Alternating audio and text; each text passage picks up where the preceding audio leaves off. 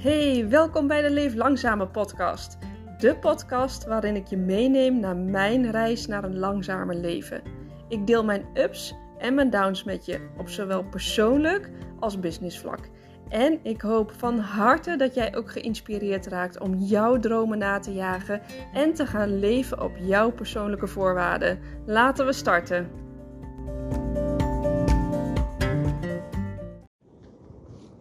Hey, nou eindelijk weer een vervolg op mijn podcast over de reis en het hele immigratieproces van het moment dat we het huis leeg hadden tot aan uh, dat we hier aankwamen in Spanje. Dat wil ik graag eens even met je bespreken. Dat heb ik je ook nog beloofd.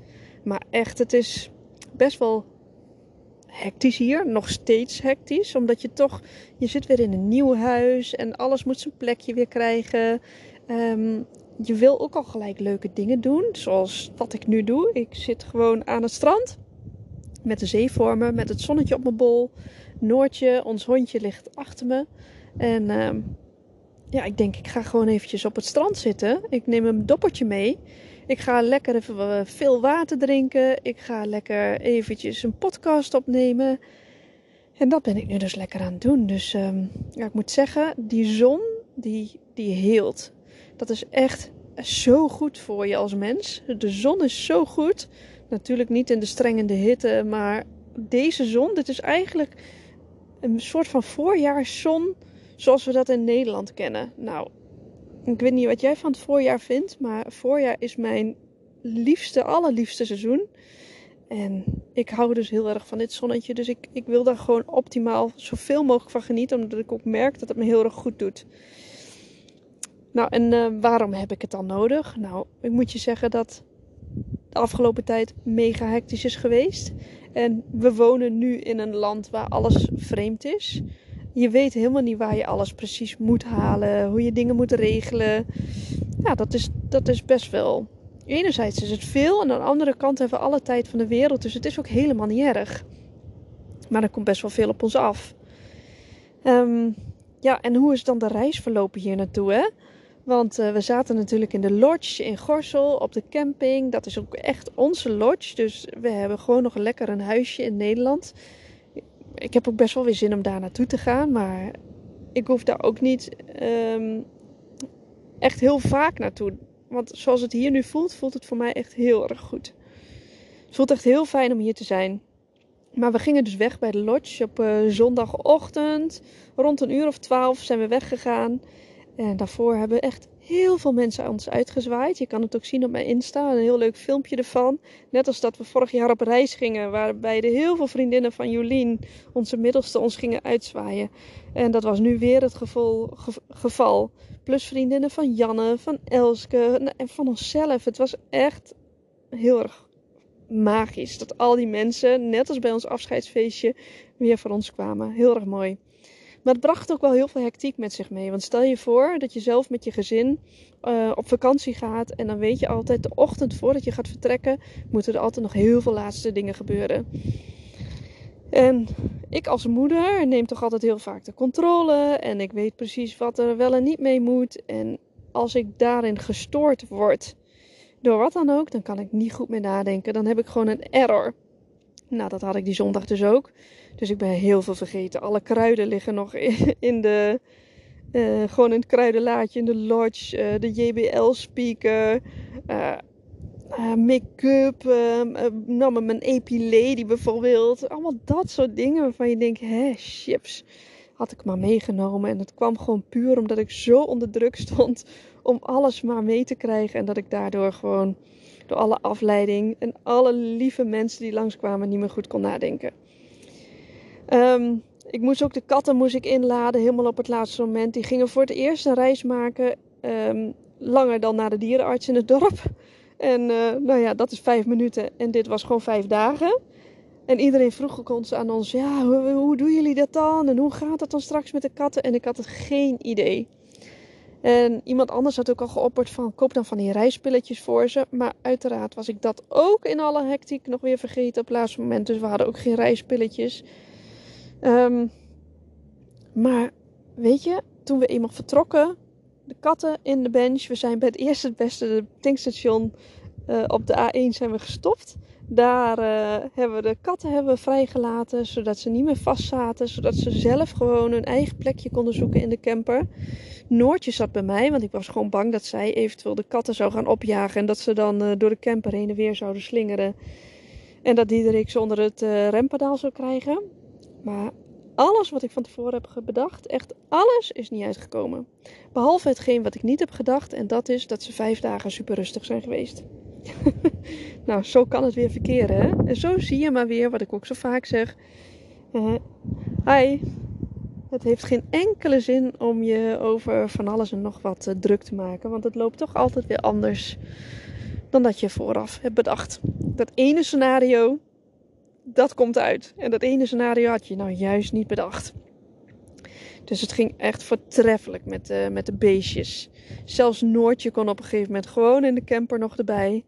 En uh, de meiden maakten van tevoren haast ruzie van wie er dan bij mama in de auto kon zitten. Want we gingen dus en met de auto en we gingen met de camper. We hadden een week voor die tijd ook nog een nieuwe auto gekocht. Omdat ik me niet zo lang voelde bij de huidige auto die we hadden. Plus, het was echt de lelijkste auto ever die ik ooit heb gehad. en nu maakt materiaal helemaal niet zoveel uit. Maar ik wilde gewoon een veilige, goede auto. Dus die hebben we ook nog gekocht. Maar die was nog wel redelijk nieuw voor mij. En ik heb nog nooit 2500 kilometer achter elkaar gereden in het buitenland.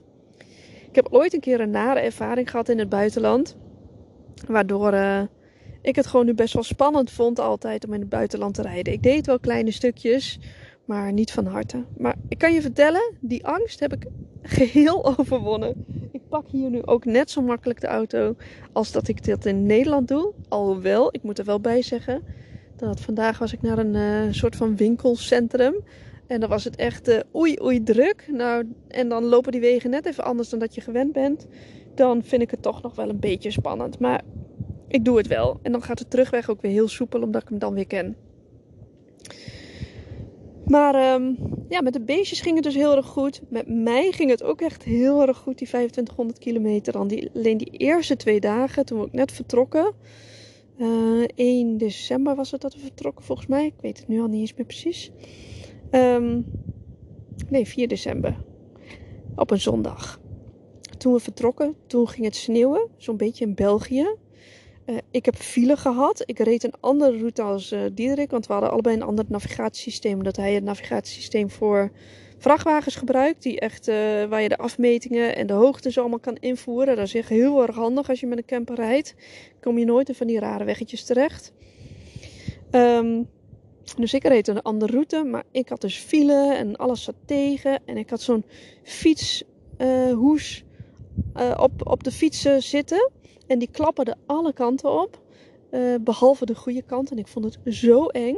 Dat ik ben in België in die sneeuw. Ben ik op een gegeven moment gestopt. Ik had Elske had ik naast me. Nou, daar zat helemaal een scheur in.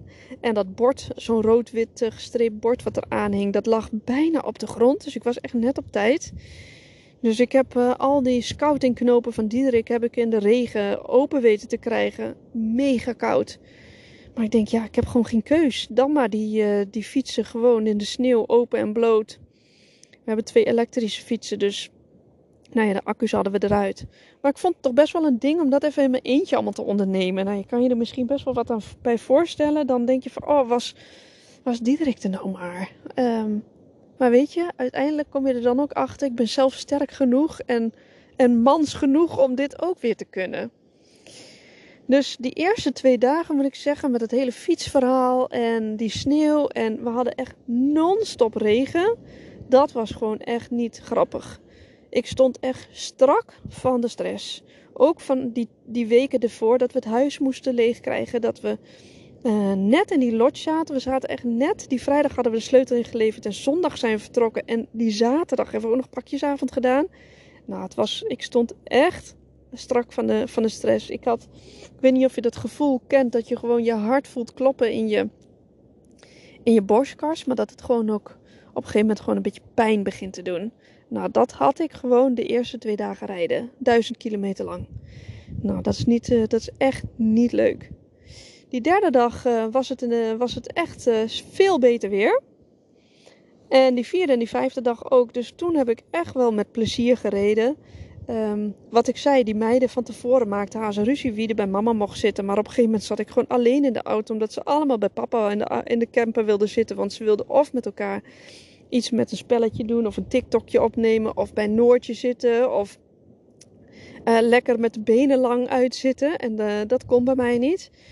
En dan zat ik gewoon alleen in die auto. En um, na dat hele debakel van um, ik een andere route dan Diederik, hebben we besloten van weet je, het is gewoon veiliger om met z'n tweeën te rijden. Dus ik rij gewoon achter je aan met de camper. Ook al kan ik veel harder rijden met de auto. En uh, Diederik rijdt tussen de 90 en de 100 zo'n beetje. Uh, ik kabbel gewoon heerlijk lekker rustig achter je aan. Want samen staan we sterker. En daar was ik op een keer ook wel heel erg blij mee. Want ik stond een keertje bij de peage. Ik had dus ergens anders een kaartje getrokken dan Diederik. Omdat ik toen nog niet achter hem aangekabbeld was. En, um, wacht even hoor. Ik moet even naar Noortje. Sorry, Noortje die uh, dwaalde een beetje te ver af. Dus die wilde ik even weer bij me hebben hier uh, op het strand. Um, maar um, ja, ik zat dus alleen in de auto. Dat was ik je aan het vertellen. En nou, die 2500 kilometer gingen dus echt uiteindelijk supergoed. Waarbij ik dus ook nog gewoon eens uh, af en toe alleen zat. En helemaal alleen lekker podcastjes kon luisteren. Dus dat was echt heerlijk. Dat was echt fantastisch. Dus toen kon ik er echt een beetje van gaan genieten. Um, ik vond... Um, oh ja, ik vertelde van de peage. Dat ik daar toen vast kwam te staan. Dat ik een ander ticket had dan, uh, dan Diederik. Omdat ik toen dus nog niet achter hem aan aan het rijden was. En gelukkig was hij toen voor mij. Uh, toen waren, hadden we uiteindelijk had hij mij opgewacht bij een air. Daar hebben we samen wat gegeten. En toen hebben we dus besloten, ik rij achter je aan. En bij de eerste, beste peage waar ik dus moest gaan betalen, deed mijn kaartje het niet. Gelukkig had hij dat door en kon hij naar mij toe rennen. En ja, mij gewoon eventjes daarbij assisteren, want ik kreeg natuurlijk wel weer stress. Hij, dat kaartje die, die werd gewoon niet gepakt. Uh, uiteindelijk uh, via um, informatie zijn we geholpen en hoefde uiteindelijk maar heel weinig te betalen. Volgens mij met 4,40 euro, terwijl ik echt honderden kilometers had gereden. Dus dat was weer een mooie meevallen. Dus dat was wel weer een high five uh, waard. En toen ben ik dus lekker achter hem aangereden. En dus af en toe alleen met een podcastje. Nou, helemaal geweldig. Ik moet zeggen dat ik het uh, soms, uh, of vooral het begin van de Pyreneeën, toen we net in Spanje waren, vond ik echt spannend rijden. Het was een nationale feestdag en het was uh, heel erg druk op de weg. Volgens mij wilde iedereen naar Madrid of zo, vanuit het noorden. Want toen we voorbij, voorbij Madrid waren, was het wel een stuk rustiger. Maar dat was wel heel spannend. En bergen, wat ik gewoon helemaal niet echt gewend ben. Echt de hele tijd hoog, laag, hoog, laag en uh, veel verkeer. Ah, vond ik gewoon spannend.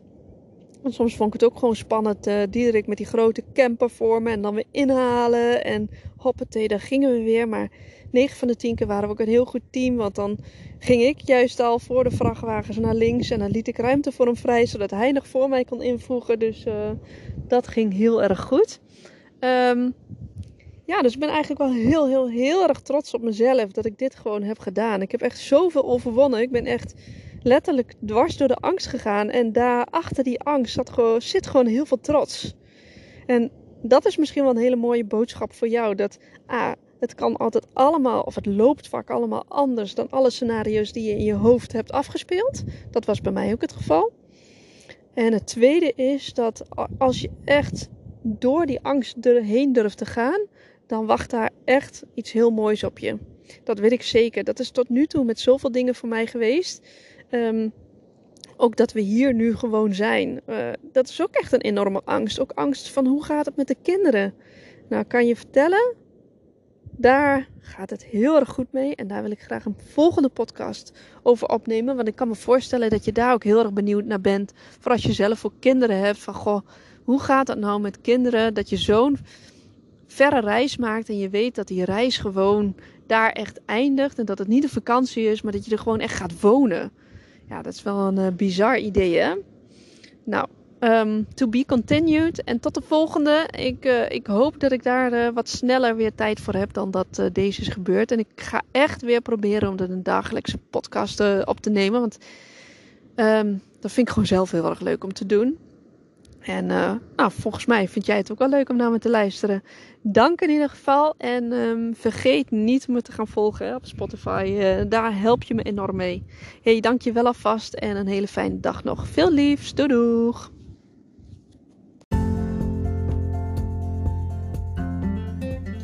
Dankjewel voor het luisteren. Hey, wil je misschien nog een groot plezier voor mij doen? Dat is op Spotify, als je via die app luistert, mij misschien volgen door op deze knop te drukken. En daar kan je ook sterren vinden om mij te beoordelen. Op die manier kan ik beter gevonden worden en meer mensen bereiken met de boodschap naar een langzamer leven. En wil je ook weten wat mijn aanbod precies is en wat ik allemaal doe? Ga dan vooral even naar mijn website of stuur mij een berichtje via Insta. Veel liefs, dank je!